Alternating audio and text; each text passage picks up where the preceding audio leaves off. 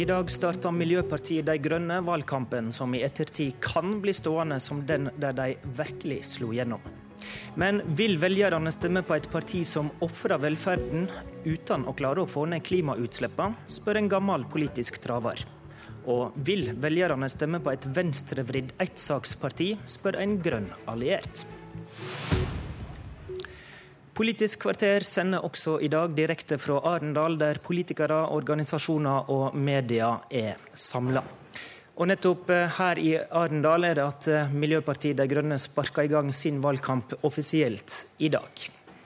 Velkommen til Politisk kvarter, Hilde Opoku, nasjonal talskvinne for MDG. Takk for det. Fint å være her. Attmed sjøen.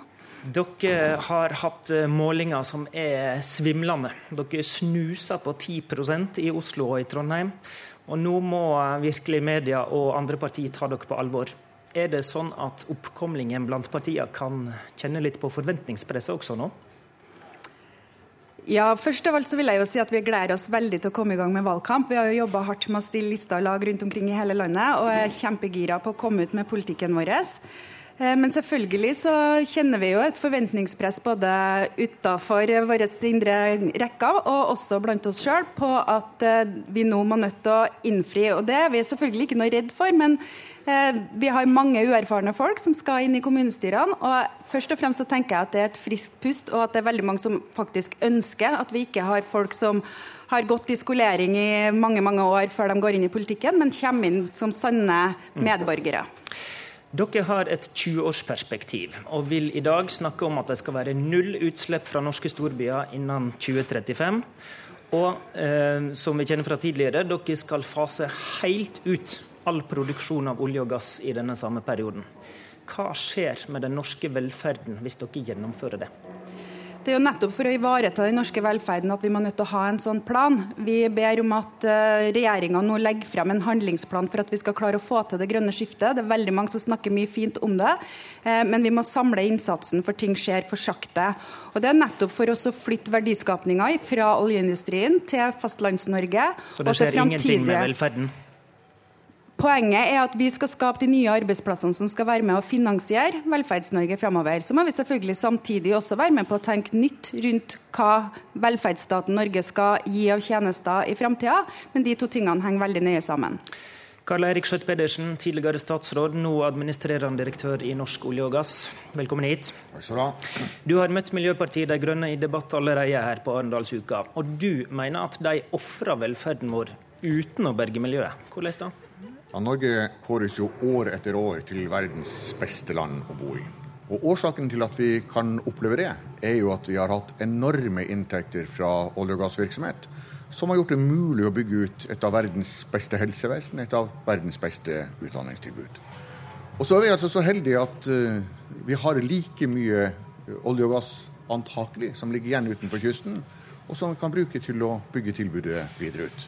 Og da står vi overfor et valg og det valget at vi kan velge å ta i bruk disse ressursene til å bygge et enda bedre helsevesen, et enda bedre utdanningstilbud, og på den måten kunne bidra til at Norge forblir verdens beste velferdssamfunn også i framtida. Eller vi kan velge å la disse ressursene bli liggende, slik De Grønne sier. Men da velger vi samtidig et dårligere velferdstilbud, dårligere helsetilbud, dårligere utdanningstilbud enn det vi ellers kunne ha fått. Og på hva det er det dere velger for oss? Først så vil jeg minne om at eh, Folketrygda i Norge var utbygd før vi fant uh, oljen. Så det er fullt mulig hvis man har politisk vilje til å finansiere dette her også på annet vis. Uh, og så vil jeg bare gjenta at det er nettopp for å sikre velferdsstaten at vi må nødt til å ta den omstillinga nå, sånn at vi også har inntekter i framtida. Og Det er jo å stikke hodet i sanda og tro at alt sammen skal være sånn som det er nå, at dette her er et tre som skal vokse inn i himmelen. Eh, vi mener jo at mye av det som vi allerede har utvikla er veldig bra, men den kvaliteten som vi skal utvikle videre innenfor norsk velferdsstat, trenger ikke nødvendigvis å koste mer penger. Eh, hva tenker du om det, Skjøtt Pedersen? Eh, er ikke det et poeng at vi må snakke om langsiktig velferd også, og ikke bare det vi kan leve på av oljeinntekter noen tiår til? Absolutt. Det er det som er hele poenget med at vi må utvikle den teknologien som er nødvendig. Ja, og Da argumenterer MDG om at da må vi gjerne komme i gang med den omstillinga, da. Ja, og derfor er det jo viktig at vi også tar inn over oss hva vi faktisk gjør, og hvilke resultater vi har oppnådd. Vi har verdens strengeste miljøkrav. Vi har verdens høyeste CO2-avgift. Utslippene fra oljevirksomheten selv er faktisk redusert årlig tilsvarende tre millioner biler. Og det har bidratt til at vi har en av verdens reneste oljeproduksjoner.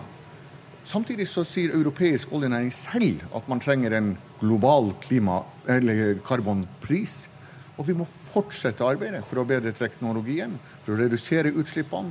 Både i olje- og gassnæringa selv, men også ved å ta i bruk denne teknologien i å utvikle fornybar energi. Men det virkelige tankekorset i forhold til det grønne er jo at ved å redusere oljeproduksjonen i Norge, så vil jo ikke utslippene i verden gå ned. Tvert imot er det en stor sannsynlighet for at de faktisk ville gå opp. Det er også en stor debatt. Vi holder oss på velferdssporet her nå. Eh, bør ikke dere være ærlige og pukke på at, eh, at eh, deres politikk betyr Bør ikke dere si det til velgerne? At det betyr mindre inntekter i en periode, og dermed mindre velferd? Vi mener at Norge har alle forutsetningene for å klare den omstillinga uten at det blir for smertefullt. Og Hvis det er et land i verden som skal gå foran og vise at det er mulig, så må det jo nettopp være Norge med de mulighetene vi har. Det er også en del av velferden at vi bor i et land som er trygt i forhold til klima- og miljøtrusler. Men du, dere vil ikke si det, at velferden og inntektene vil gå ned? Vi mener, vi mener at dette her henger veldig nøye sammen, og vi er allerede inne i en nedgangsfase. Det er allerede nedgang i forhold til arbeidsplassene i oljebransjen, og det er ingen plan for hvordan vi skal ta tak i det. Det er ingen plan for hvordan vi skal omstille oss og sikre at de folkene her faktisk får arbeid framover. Så den prosessen har starta helt uavhengig av De grønne. det er nok feil det som De grønne her sier. Antallet ansatte i oljesektoren er fortsatt på det samme nivå som det var i 2011. Eh, vi har et investeringsnivå som faktisk er 50% høyere enn det var så kort tilbake som i 2010. Men Nemlig. Det og det er det, som er problemet, at vi fortsetter å investere i oljenæringa. Årsaken til at Norge har sine muligheter, og årsaken til at Norge har muligheten bl.a. til den intense satsinga på miljø som vi har gjennomført, er jo at vi har disse gigantiske inntektene. Og la oss minne hverandre om at hvert eneste år så finansierer olje- og gassvirksomheten hver fjerde krone på statsbudsjettet. Det tilsvarer alt staten sånn bruker til, til utdanning, til helse, til forsvar, til politi, til vei og til bane. Det er rundt 300 000 mennesker som jobber i denne sektoren. Det er klart det er helt urealistisk å si at dette skal vi fjerne, og så har det ingen virkning. Takk eh, til deg, Karl Eirik Skjøtt Pedersen. Vi tar inn en annen eh, opponent eh, som kommer inn her. Guri Melby, miljøbyråd i Oslo og toppkandidat for Oslo Venstre. Velkommen hit. Takk skal du ha. I hovedstaden så kan eh, MDG, som jo definerer seg som blokkuavhengig, skape trøbbel for andre grønne parti, f.eks. ditt parti Venstre og deres borgerlige byrådsprosjekt. Ser du eh, MDG som en potensiell alliansepartner eller som en konkurrent? Vi har samarbeida med MDG i mange saker i bystyret. Vi stemmer sammen i mange viktige miljøsaker, på samme måte som vi gjør det også med SV og andre partier som er enige med oss. Eh, og jeg synes Det er bra at vi har flere miljøpartier. Det gjør at velgerne som er opptatt av miljø, har flere valgmuligheter. Det tror jeg er bra for miljøet, og det er bra for velgerne. Men jeg mener at det er tre store forskjeller mellom MDG og Venstre som velgerne eh, bør tenke over. Det ene er at jeg oppfatter MDG som å være et ettsaksparti. Ikke fordi de bare har mening om én sak, men de sier alltid at hvis vi må, vi må velge, så prioriterer vi alltid miljø. Og De bruker det også som en sånn begrunnelse for å være blokkuavhengig. For de sier at vi kan samarbeide med alle, vi, bare vi får gjennomslag for miljøpolitikken vår. Men for Venstre så er egentlig ikke det aktuelt. Miljø er en viktig sak, men vi har også veldig mange andre saker som er viktige. Jeg er f.eks. ikke villig til å ofre satsinga på Oslo-skolen for miljø. Jeg er heller ikke villig til å si ja til tigging i hovedstaden fordi at jeg får gjennomslag i en annen miljøsak. For oss så er flere saker viktig. Vi er like opptatt av skole, eh, sosialt ansvar og næringspolitikk som av miljø. Så det skal ikke trumfe alt? Nei, det, det skal ikke trumfe alt, sjøl om det er viktig. Eh, og så mener jeg en annen stor forskjell. Eh, jeg mener jo at eh, MDG ikke er blokkuavhengig, fordi at svært mye av politikken deres ligger langt til venstresida. Eh, og i alle kommuner der de sitter i kommunestyret, samarbeider de med venstresida. Men det tredje poenget mener jeg er at der eh, vi har veldig mange ideer og engasjement og satsinger til felles med De Grønne, eh, så er Venstre i stor grad et gjennomføringsparti, mens De Grønne er et idealistisk parti. Eh, vi viser at vi får til resultater, bl.a. i Oslo, som jeg mener er har landets beste kollektivsystem, som er en internasjonalt ledende miljøby. Det får vi til fordi at vi samarbeider og vi forplikter oss. Eh, og Sånne resultater kan ikke MDG vise til. Hilde Opoku, har Melby et poeng når hun skildrer dere som et ettsaksparti som egentlig står langt på venstresida i norsk politikk? Guri Melby har samarbeida i bystyret i Trondheim, og Guri Melby vet at også De Grønne kan være et pragmatisk parti som får gjennomslag for eh, viktige ting. Også Trondheim er en internasjonal eh, miljøby, og De Grønne har vært med og fått eh, gjennomført en ambisiøs klimahandlingsplan der. Det er ikke riktig at vi er et ettsaksparti på den måten Guri Melby fremstiller det her. Vi sier at det er fundamentalt viktig for oss at vi ivaretar livsgrunnlaget, sånn at vi kan gjøre alle de andre tingene. Og klima- og miljøpolitikk griper om seg i alle andre sektorer. Så det er ikke noe skille mellom det. Eh, senest i går var jeg også og diskuterte eldrepolitikk sammen med Carl I. Hagen, fordi at vi bl.a eh, er veldig bevisst på at hvordan vi organiserer samfunnet vårt, hvordan vi skal leve sammen i framtida, er helt avgjørende også for klima- og miljøspørsmålet. Men det som er litt utfordringa mi til Hilde, det er jo at eh, hvis dere da ikke er et ettsaksparti, hvis det er andre saker som kanskje er nesten like viktige som miljø, hvordan kan dere da hevde at dere er blokkuavhengige når så mange av standpunktene deres ligger klart eh, på venstresida i politikken?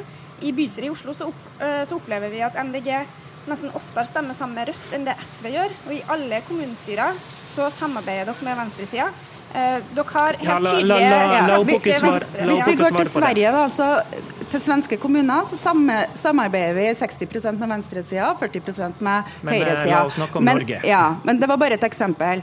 Um, det er jo gammeldags tenking at man må nødt til å tenke innenfor de blokkene. Hvis vi hører på Arbeiderpartiet og um, uh, Høyre nå, så er det jo nesten umulig å høre forskjellen på politikken deres. Og det sier jo til og med Støre i valgduell at vi er veldig like.